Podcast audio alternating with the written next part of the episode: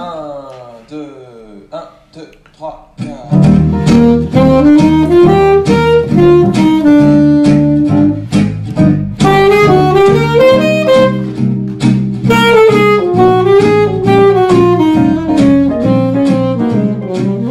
Hej och välkommen till Fintech-podden. Podden där vi samtalar om eh, innovation inom teknik och finans. Och där vi varje vecka har valt ut ett ämne som vi djupdyker i. I dagens avsnitt så fortsätt, eh, har vi en liten uppföljare från förra avsnittet som handlar om Open Banking. Det är nämligen så att vi kommer att diskutera om ett annat begrepp som är, ligger nära till Open Banking som kallas API Economy. Och i, idag tänker vi då gå in lite mer på vad det är för någonting och vad det innebär för banker. Eh, med dig har du som vanligt mig själv, Gustav. Och Johan. Och nu kör vi igång. API Economy.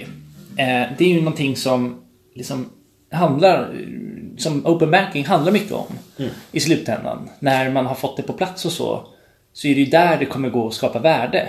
Precis. Och det är ju en trend som sker inom fler industrier, inte bara inom finans och Det här banker. kan man nästan säga att finans och bank är ganska sena på bollen. Jämfört med lite andra branscher. Ja, men både ja och nej där skulle man kunna säga. För internt har ju banker sedan länge använt eh, API för att koppla ihop, olika funktioner som en bank erbjuder. Eh, en bank idag har ju flera olika lösningar till slutkund. De kan ha bolån, de kan ha bankkonto, kreditkort, eh, försäkringar, pensionslösningar. Och alla de här funktionerna hanteras ju av olika IT-system som i slutändan pratar till ett och samma mm, system som vi konsumenter möts av. Precis. Och eh, Men, men skillnaden till när man kommer till API Economy, eller det stora begreppet i Open Banking, är ju att man börjar vända på det här och inte bara kolla internt utan även börja tillåta kopplingar till externa tjänster. Så och om något bättre företag, eh, eller om ett annat företag kan erbjuda en bättre lösning så skulle man lika gärna kunna sätta in den lösningen internt hos banken och det, denna kopplingen sker då via API.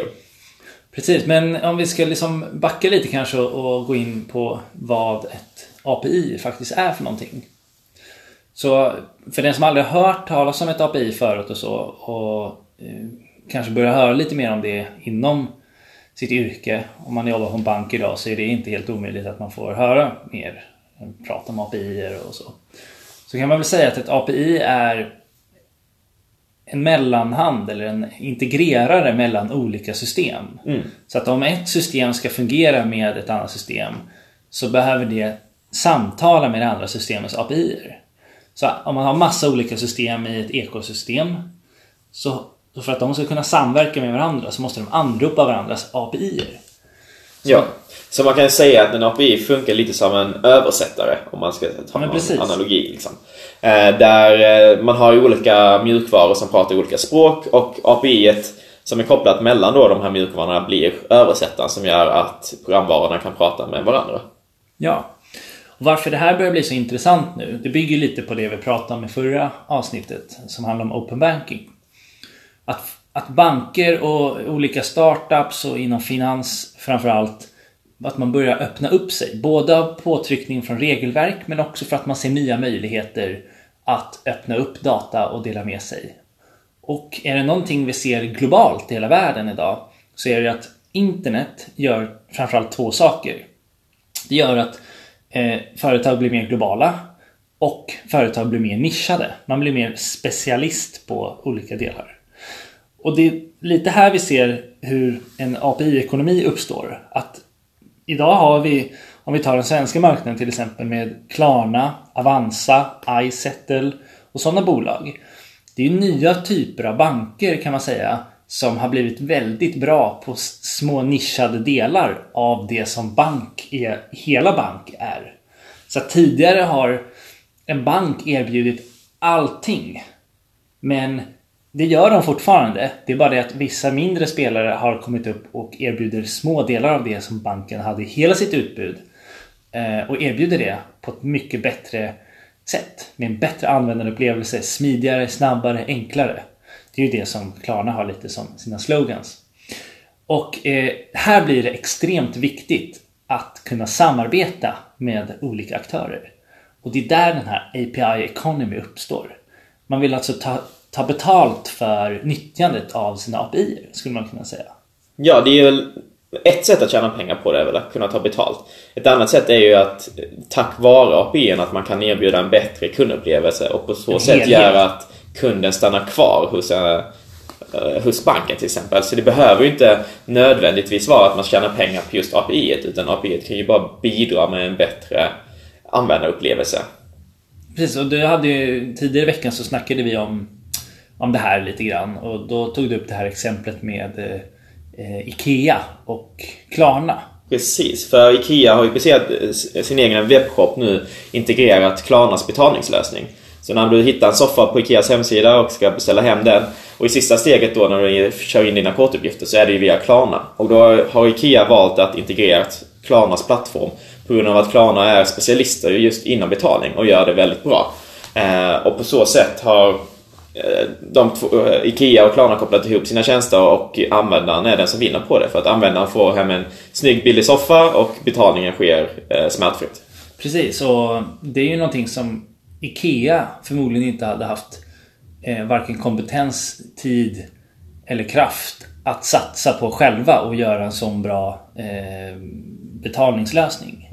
Kanske i framtiden, men hittills så här snabbt som Klarna har lyckats göra det har de förmodligen inte lyckats med det. Och då blir det en del av Ikeas helhet att kunna erbjuda den här lösningen.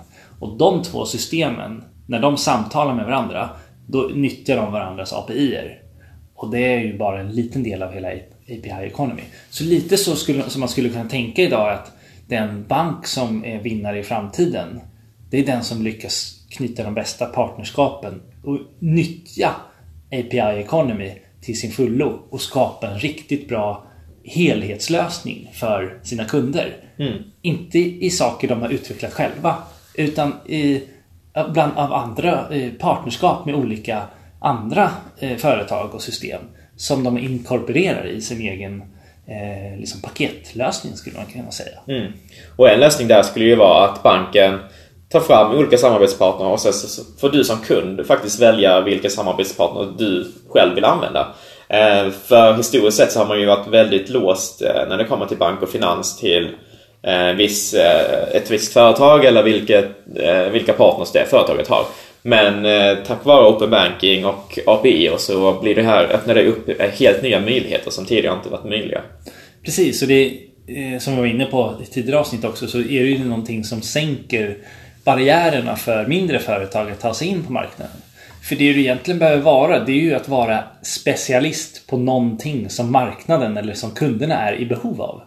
Därefter så är det ju i en öppen API-ekonomi, en sån miljö, där man kan koppla upp olika system och företag, då är det ju jättelätt för dem, om man nu, att, att när de väl har en bra lösning, så är det jättelätt att ta en del i ett ekosystem.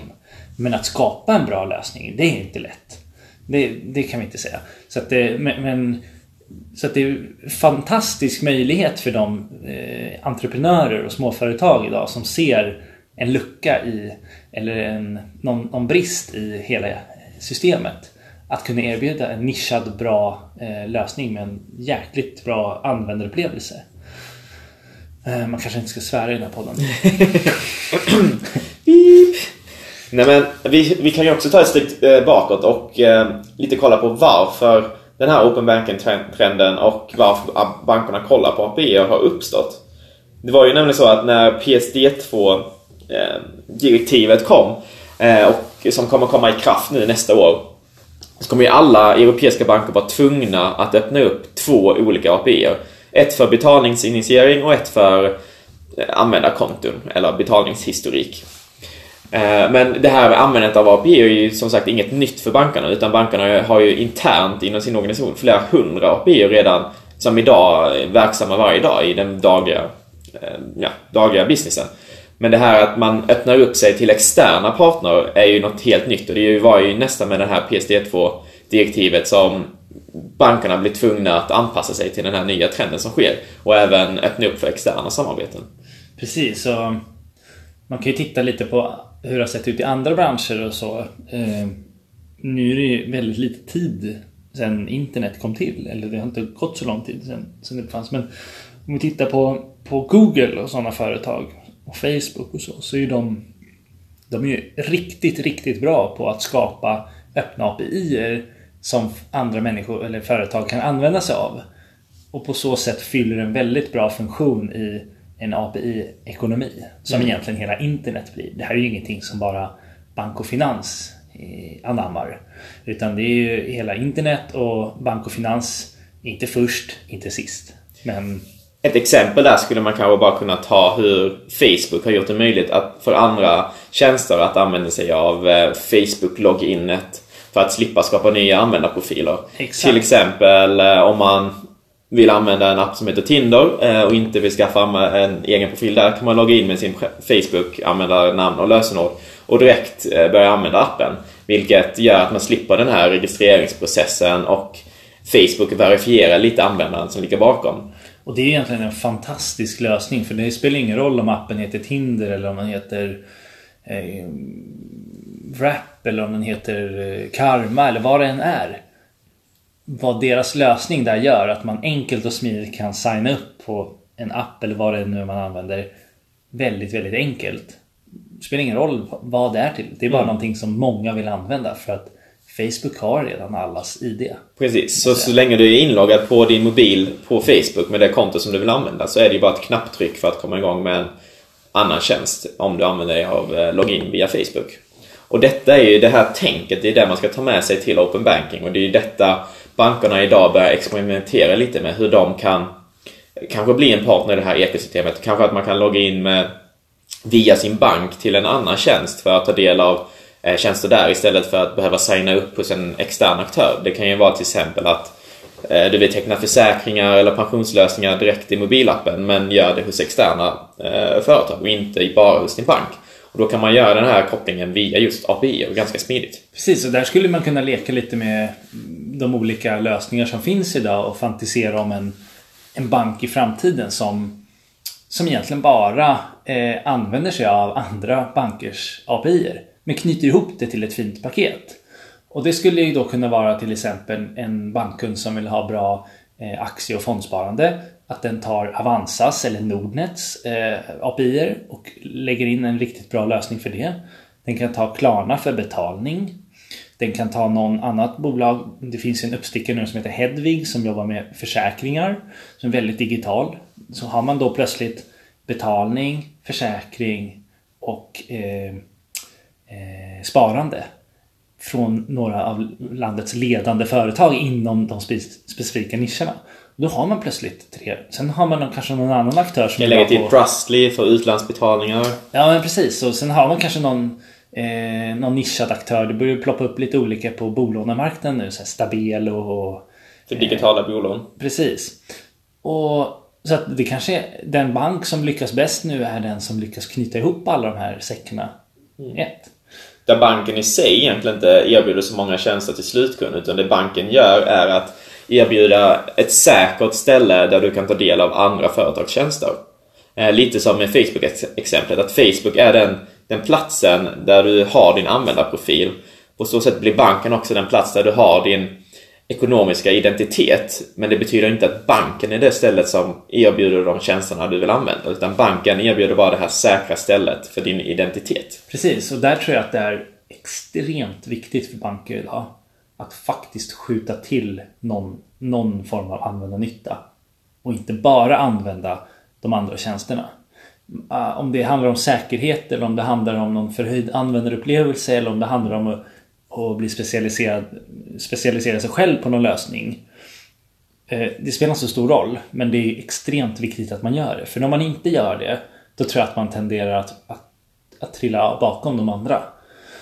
Eh, för att man måste ju alltid liksom generera ett, ett värde. Eh, I alla fall i, i långa loppet. Men för att summera upp det hela så kan man ju säga att API Economy eller användandet av API, är ju egentligen möjliggöraren för hela Open Banking-tänket eller hela Open Banking-trenden som sker just nu. För det är ju faktiskt tack vare att man har de här tekniska, nya, nya tekniska plattformarna på plats hos bankerna som gör att man kan börja leka lite med API och ta in andra externa företagstjänster hos sin egen plattform. Och eh, mycket är ju tack vare det här PSD2-direktivet att den här tekniska plattformen har kommit på plats. Precis, så API det gick vi igenom tidigare. Det är en, en, liksom en översättare mellan olika system. Och varför ekonomi har med det här att göra? Det handlar, om att, mm, det handlar inte om att bara öppna upp datan så att vem som helst får ta den.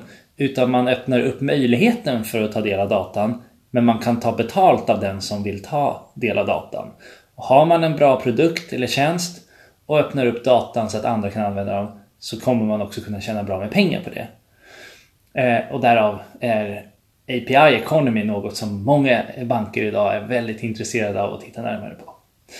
Eh, det här var allt för oss under det här avsnittet. Vi kommer som vanligt tillbaks med ytterligare avsnitt inom några dagar. Eh, tack för oss idag. Tack, tack. Tack, hej.